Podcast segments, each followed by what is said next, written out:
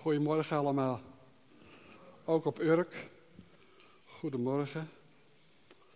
Uh, ik, uh, we gaan iets lezen uit uh, het Evangelie van Lucas. En u hebt het al gehoord. Ik wil met u gaan nadenken over de gelijkenis van de barmhartige Samaritaan. Maar laten we lezen. Ik begin te lezen bij Lucas 10, bij vers, vers 21. Als u een Bijbel hebt, dan heb ik graag dat u dat met me meeleest. Wat veel mensen denken, zo'n gelijkenis van de barmhartige Samaritaan, dat is toch, uh, dat is toch een hele eenvoudige gelijkenis. Trouwens, uh, veel christenen die hebben geen, er geen idee van waarom Jezus in gelijkenissen ging spreken. Ze dachten, ze denken dan dat Jezus iets wat heel moeilijk is op een makkelijke manier wil uitleggen. Dan heb je het net niet begrepen. Ik zal het laten zien. We beginnen te lezen bij vers 21. Op dat moment verheugde Jezus zich in de geest en zei: Ik dank u, Vader, Heere van de hemel en van de aarde, dat u deze dingen voor wijze en verstandigen hebt verborgen en ze aan jonge kinderen hebt geopenbaard. Ja, vader, want zo was het u welbehagen. Alle dingen zijn mij overgegeven door mijn vader en niemand weet wie de zoon is dan de vader en wie de vader is dan de zoon. En hij aan wie de zoon het wil openbaren. En hij keerde zich naar de discipelen en zei tegen hen alleen, zalig zijn de ogen die zien wat jullie zien. Want ik zeg jullie dat veel profeten en koningen de dingen hebben willen zien die jullie ziet en ze hebben ze niet gezien. En te horen de dingen die u hoort en ze hebben ze niet gehoord. En weet u, dat hoort bij, bij, bij gelijkenissen. Als in openbaring 13 Jezus begint met te spreken over gelijkenissen en zijn discipelen vragen aan hem, waarom spreekt u in gelijkenissen? Dan zegt Jezus precies hetzelfde. Hij zegt tegen hen: Jullie is het gegeven om dingen te zien die anderen niet zien. De profeten hebben het begeerd. Ik spreek in gelijkenissen omdat zij die het horen het niet zullen begrijpen. Een deel daarvan. En ze begrepen het dan ook helemaal niet. Het was niet om de dingen duidelijker te maken. Het was juist omdat ze het niet zouden begrijpen. Waarom spreekt u tot hen door gelijkenissen? Omdat het u gegeven is de geheimenissen van het koninkrijk der hemelen te kennen, maar aan hen is het niet gegeven. Want het hart van dit volk is vet geworden en ze hebben met de oren slecht gehoord. En hun ogen hebben ze dicht gedaan, opdat ze niet op enig moment met de ogen zouden zien. Maar uw ogen zijn zalig omdat ze zien en uw oren omdat ze horen. Gelijkenissen hebben dus de bedoeling dat we dingen gaan zien die anderen niet zien. En gaan horen die anderen niet horen. En ik ga het u eerst voorlezen uit Lucas 10, vers 25. En zie, een wetgeleerde stond op om hem te verzoeken en zei: Meester, wat moet ik doen om het eeuwige leven te beërven? En hij zei tegen hem, wat staat er in de wet geschreven? Wat leest u daar? Hij antwoordde en zei, u zult de Heer uw God liefhebben met heel uw hart, met heel uw ziel en met heel uw kracht en met heel uw verstand en uw naaste als uzelf. Hij zei tegen hem, u hebt juist geantwoord, doe dat en u zult leven. Maar hij wilde zich rechtvaardigen en zei tegen Jezus, wie is mijn naaste? Jezus antwoordde en zei, een man ging van Jeruzalem naar Jericho en viel in de handen van rovers die hem de kleren uittrokken, hem daarbij slagen toedienden en hem bij hun vertrek halve dood lieten liggen. Toevallig kwam er een priester langs diezelfde weg. En toen hij hem zag, ging hij aan de overkant voorbij. Evenzo ging ook een leviet, toen hij op die plek kwam en hem zag, aan de overkant voorbij. Maar een Samaritaan die op reis was, kwam in zijn buurt. En toen hij hem zag, was hij met innerlijke ontferming bewogen. En hij ging naar hem toe en verbond zijn wonden en goot er olie en wijn op.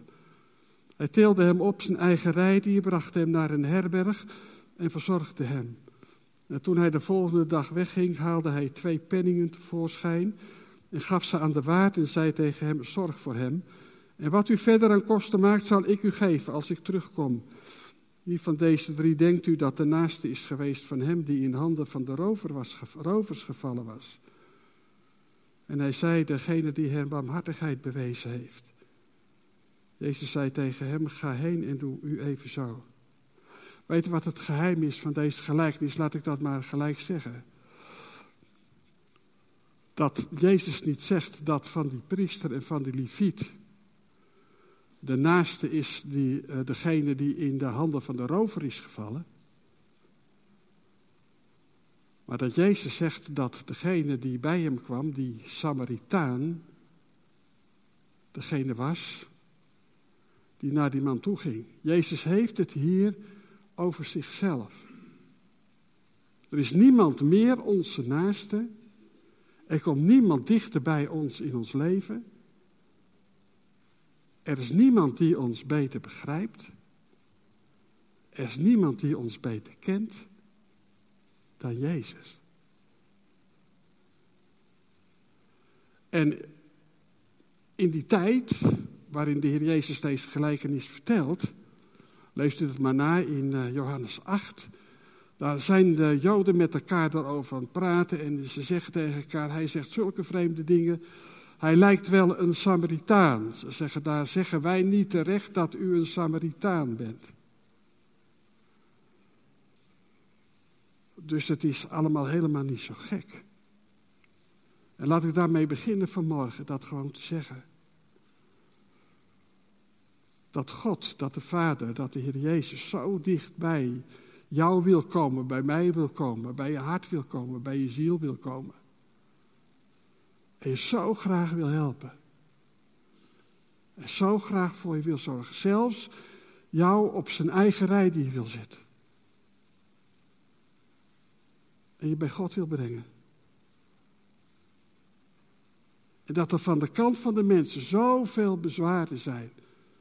Zoveel ups en downs. En, en dat zien we ook in deze geschiedenis bij deze man. Wat kijkers. Het begint ermee dat er een wetgeleerde is. En nou ja, een wetgeleerde, dat begrijpt wel. Hè? Dat was iemand die de wet kende. Die was ook meer een rechtsgeleerde. Via de wet werden mensen geoordeeld en beoordeeld. Kregen ze straf. Hij was een wetgeleerde. Hij kende de wet. Hij wist dat. En dan zegt uh, Lucas, die zegt, en hij doet het wel vaker in zijn evangelie, hij zegt en zie. Hij zegt als ware tegen ons, daar moet je dus eventjes goed naar kijken. Hij zegt, zegt het bij Jairus en zie.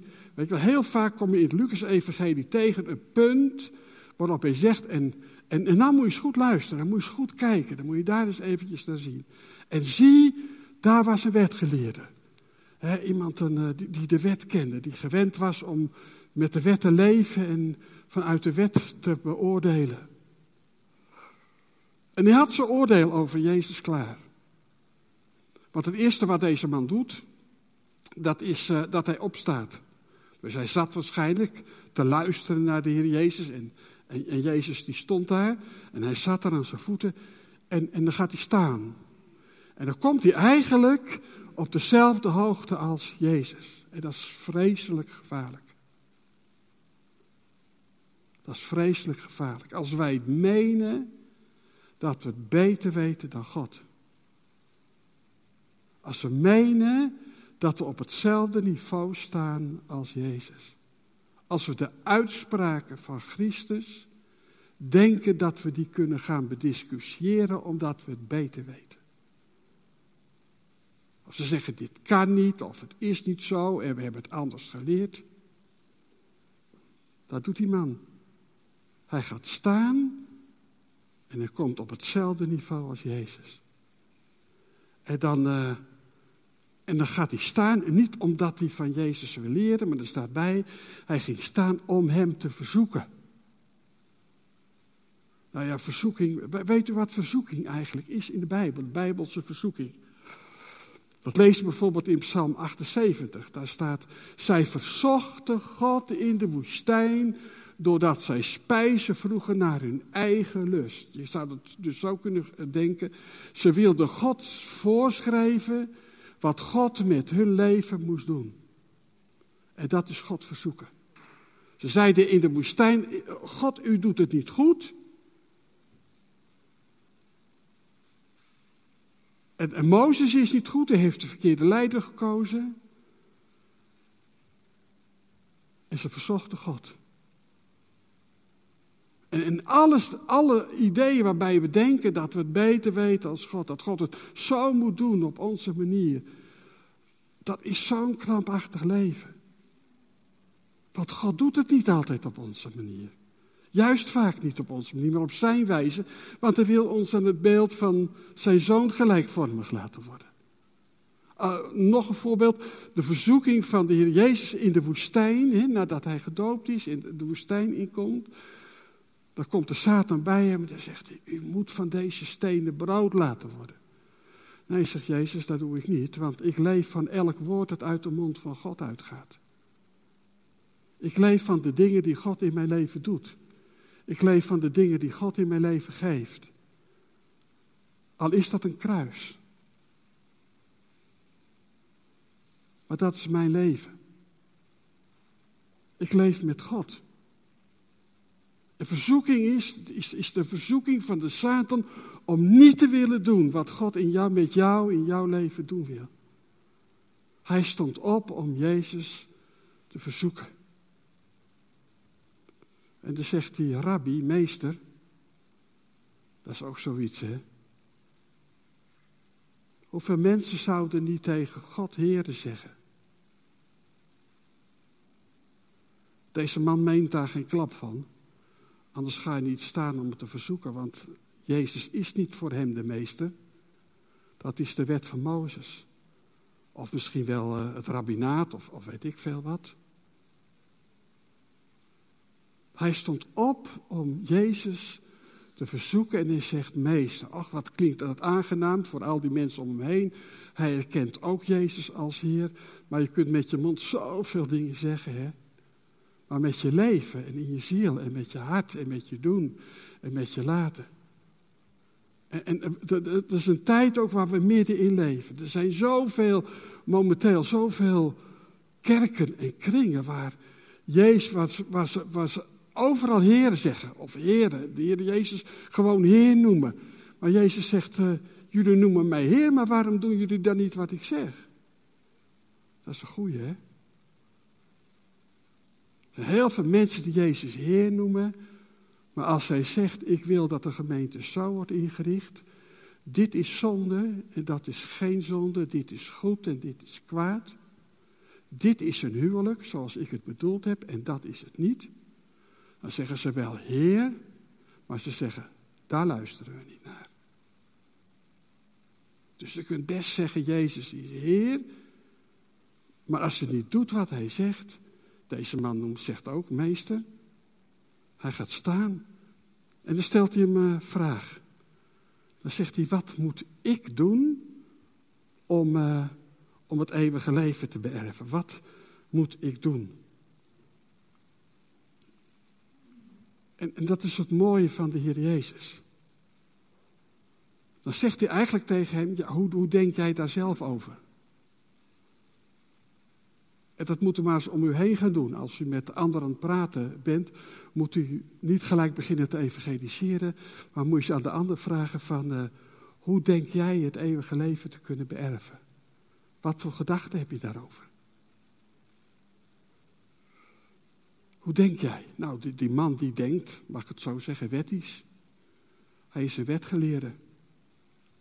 Dus hij denkt, ik moet wat doen om het eeuwige leven te beërven.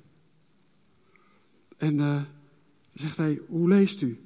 Dan zegt hij, ja, er staat, uh, u zult de Heer uw God. Uh, wat staat in de wet geschreven? Wat leest u daar? En dan antwoordt hij, u zult de Heer uw God liefhebben met heel uw hart en met heel uw verstand, en met heel uw ziel, en met heel uw kracht, en uw naaste als uzelf. Nou, zegt, zegt de Heer Jezus, als jij iets wil doen om het eeuwige leven te beërven, dan moet je dat doen. Als je denkt dat je het eeuwige leven kunt beërven door iets te doen, dan moet je wat doen. En dan uh, loopt hij vast. Want hij is lang tot ontdekking gekomen dat hij helemaal niks kan doen. Dat hij geen vrede heeft met God. Dat hij vastloopt in alles wat hij doet, in hoe, hoe hij ook zijn best doet. Hij loopt, zijn ziel loopt vast tegenover God. En als Jezus dit dus zegt, dan probeert hij zichzelf te rechtvaardigen. Hij probeert, dat hij, hij probeert toch het eeuwige leven te krijgen, maar niet op de manier zoals de Bijbel het zegt en niet op de manier zoals de Heer Jezus dat verkondigt. Hij wil eeuwig leven hebben. En daar gaat het uiteindelijk om. Want leven is leven. Leven is niet statisch, maar leven beweegt. En leven is gevoel. En leven is verandering. En leven is blijdschap. En leven is rechtvaardigheid. Dat is leven. Het andere is statisch. Dat veroordeelt je. Dat is een leer. Maar een leer brengt je geen leven. En de hele Bijbel staat ervan vol dat de Heer Jezus gekomen is om dat hele bijzonder niet om een nieuwe leer te brengen, maar om leven te brengen. Het leven dat van boven kwam, dat bij God was. Het leven wat Jezus zelf bezat. En dat leven te geven aan mensen. Wat moet ik doen om het eeuwige leven te beërven? In Romein, in eh, Johannes 5 vragen de Joden dat aan hem. Dan zeggen ze, uh, wat... wat moeten wij doen om de werken van God te moeten doen? Dat is ook precies zo'n vraag. En weet u wat het antwoord van de Heer Jezus is? Hij zegt, dit moeten jullie doen. Jullie moeten geloven in Hem die de Vader heeft gezonden. Dat is ons werk. Ons werk is niet wat te doen, maar ons werk is om te geloven in wat de die de Vader heeft gezonden en die het werk voor ons heeft volbracht. Dit moeten jullie doen. Wat moeten wij doen? En dan zegt hij, uh, ja, wie is mijn naaste? De Heer uw God liefhebben, ja, dat wist hij uit Deuteronomium, dat wist hij uit de wet. En dan tracht hij zichzelf te rechtvaardigen. Wie is, wie is mijn naaste? En dan voelt u de spanning in die vraag, wie is mijn naaste? En als die man nou zou leren dat Jezus zijn naaste was.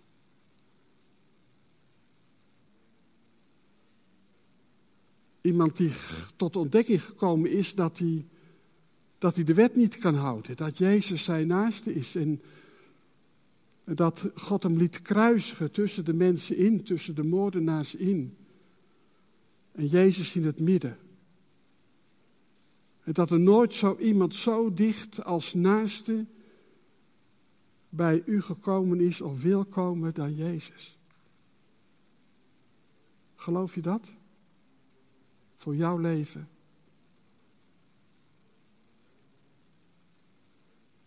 Wie is mijn naaste? En dan spreekt de Heer deze gelijkenis uit.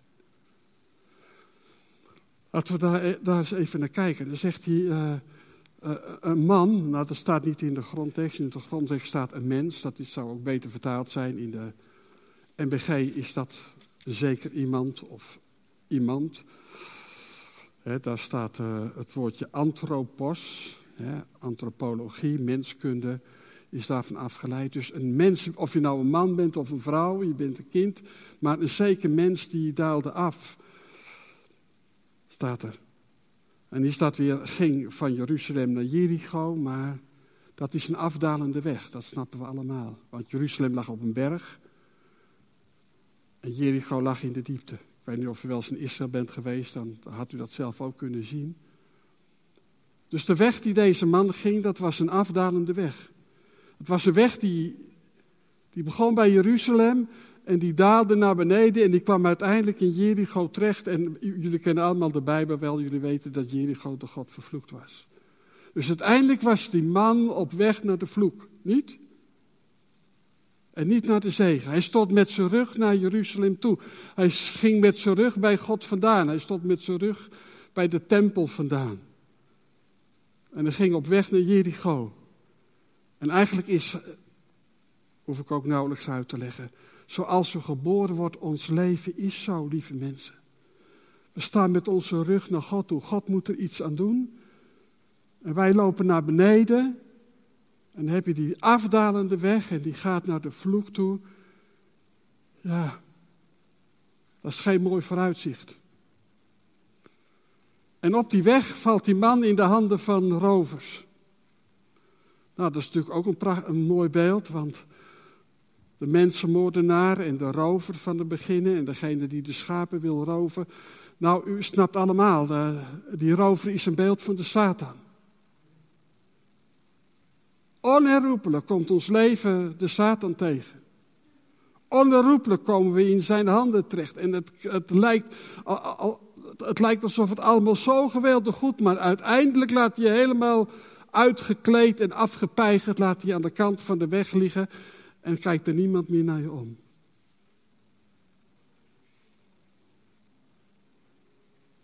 En deze wetgeleerde had dat moeten begrijpen. Hij had dat moeten begrijpen. Want God had in eh, Hosea gezegd dat hij, toen hij Israël vond, zegt hij, toen vond ik jullie in jullie bloed. En jullie, het bloed van jullie geboorte. En jullie lagen langs de weg. En er was niemand die naar jullie omkeek. En toen kwam ik voorbij. En ik zag jullie in je bloed. En ik zei tegen jullie: leef. Ziet u? Hij had moeten begrijpen waar Jezus het over had als het Oude Testament had gesproken over dat Israël zo was, langs de weg in hun bloed aangeslagen, niemand die naar hen omkeek. En dat er iemand toen van bovenaf is gekomen, de Heer Jezus Christus, gezonden door de Vader die naar het verlorene omkeek. Maar ze zagen het niet. En hij zag het niet. En liet hem liggen. En dan komt er een priester. En dan staat er bij deze priester. Toevallig kwam er een priester langs diezelfde weg. En toen hij hem zag, ging hij aan de overkant voorbij. Evenzo ging ook een leviet. Dus die priester en de leviet in hun mooie kleren, een priestelijk gewaad, die gingen dezelfde weg langs diezelfde weg als die Samaritaan. Die waren van binnen niet anders, die waren van binnen niet beter. Ze gingen dezelfde weg, ze gingen ook op weg naar Jericho, ze waren ook op weg naar de vloek. Je kunt wel een mooi jasje aantrekken, maar daarmee ben je niet behouden. Zij lag ook onder de vloek, die twee. Ze gingen daaraan voorbij. En dan komt het, maar, denk om het woordje maar, elk woordje is belangrijk. Maar, het is alsof de Heer Jezus zegt, nou gebeurt er iets heel anders. Er komt een ander en die gaat niet dezelfde weg, kijk maar. Die was op reis. Er staat niet dat die Samaritaan diezelfde weg ging. Die Samaritaan die was op reis. Dat was eigenlijk een vreemdeling, een Samaritaan die op reis was. Hij kwam ergens anders vandaan. Hij kwam, dat verweten de Joden, de Heer Jezus ook.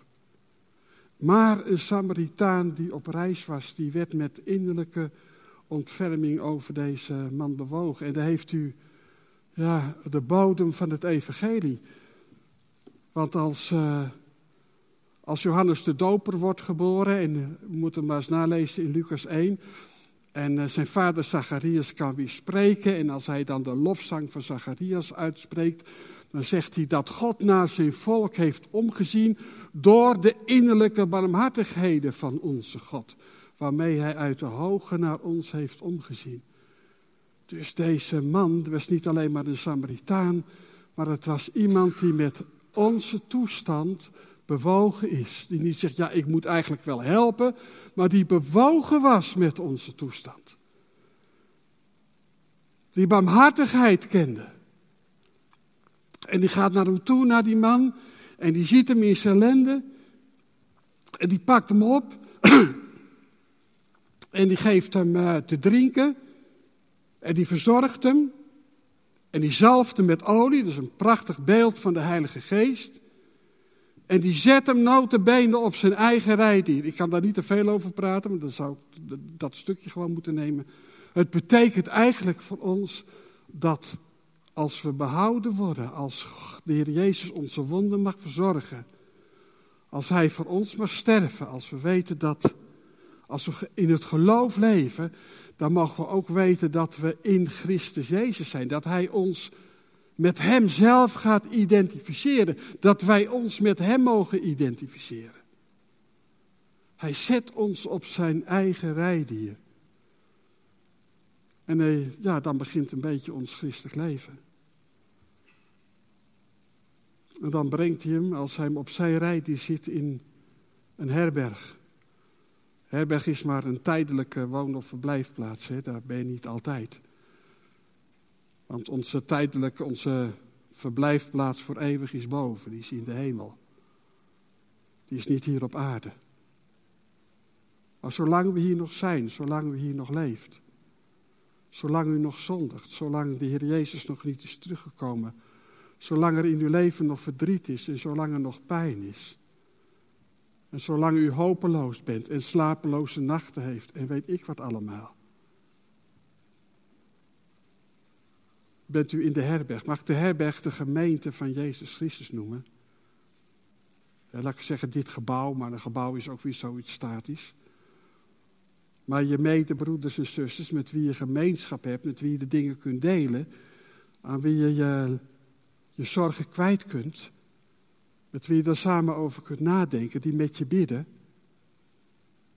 En misschien zeg je wel, zoals, ja, maar weet je, nou, nou, nou ben ik wel in een herberg, maar de mensen moesten eens een keertje weten wat er zich in mijn leven afspeelt. Nou, praat daar dan over. Maar er is nog iets. Het mooie is dat als als deze Samaritaan, deze, deze gewonde man op zijn eigen rij die zit en binnenbrengt, dat hij zegt, ik, ik, kom, ik kom terug. Ik kom over een paar dagen terug. En al die tijd dat ik nog niet teruggekomen ben, alles wat die man in zijn leven verkeerd heeft doet, alles waar nog voor betaald moet worden, ik zal ervoor betalen als ik terugkom. Ik zal het allemaal vergoeden. Ik zal ja, het zijn mijn kinderen. Ik zal voor ze zorgen. Al die tijd. Hij hoeft niet eens zelf te betalen. Hij heeft niks om te betalen. Maar ik heb alles om te betalen. Ik wil je zo geweldig op die manier wil ik je zegenen.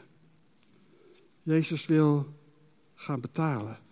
Jezus wil gaan vergoeden. Ik zal het vergoeden. En dan vraagt de Heer Jezus uiteindelijk die vraag: wie van wie van deze mensen, wie van deze drie denken jullie dat de naaste is geweest van hem die in de handen van de rovers is gevallen? En dan, misschien kunnen ze het haast niet over de lippen verkrijgen. Ze zeggen in ieder geval niet het woordje Samaritaan. Maar ze zeggen, dit is de naaste. Degene die ons barmhartigheid heeft nou, als we deze les vanmorgen geleerd hebben, dat degene die het dichtst bij ons leven staat, de Heer Jezus is, omdat Hij ons barmhartigheid heeft bewezen, omdat Hij met de misdadigers gelijk gerekend werd, omdat Hij naar ons toegekomen is, naar jouw leven, dat was het antwoord. Wat moet ik doen om het eeuwige leven te berven? Wij moeten niets doen. Wij moeten geloven in Hem die God heeft gezonden.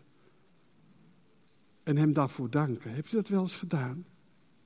Voor de Heer Jezus. Hebt u in de stilte wel eens naar Hem toegegaan, u alleen. En uw ogen gesloten.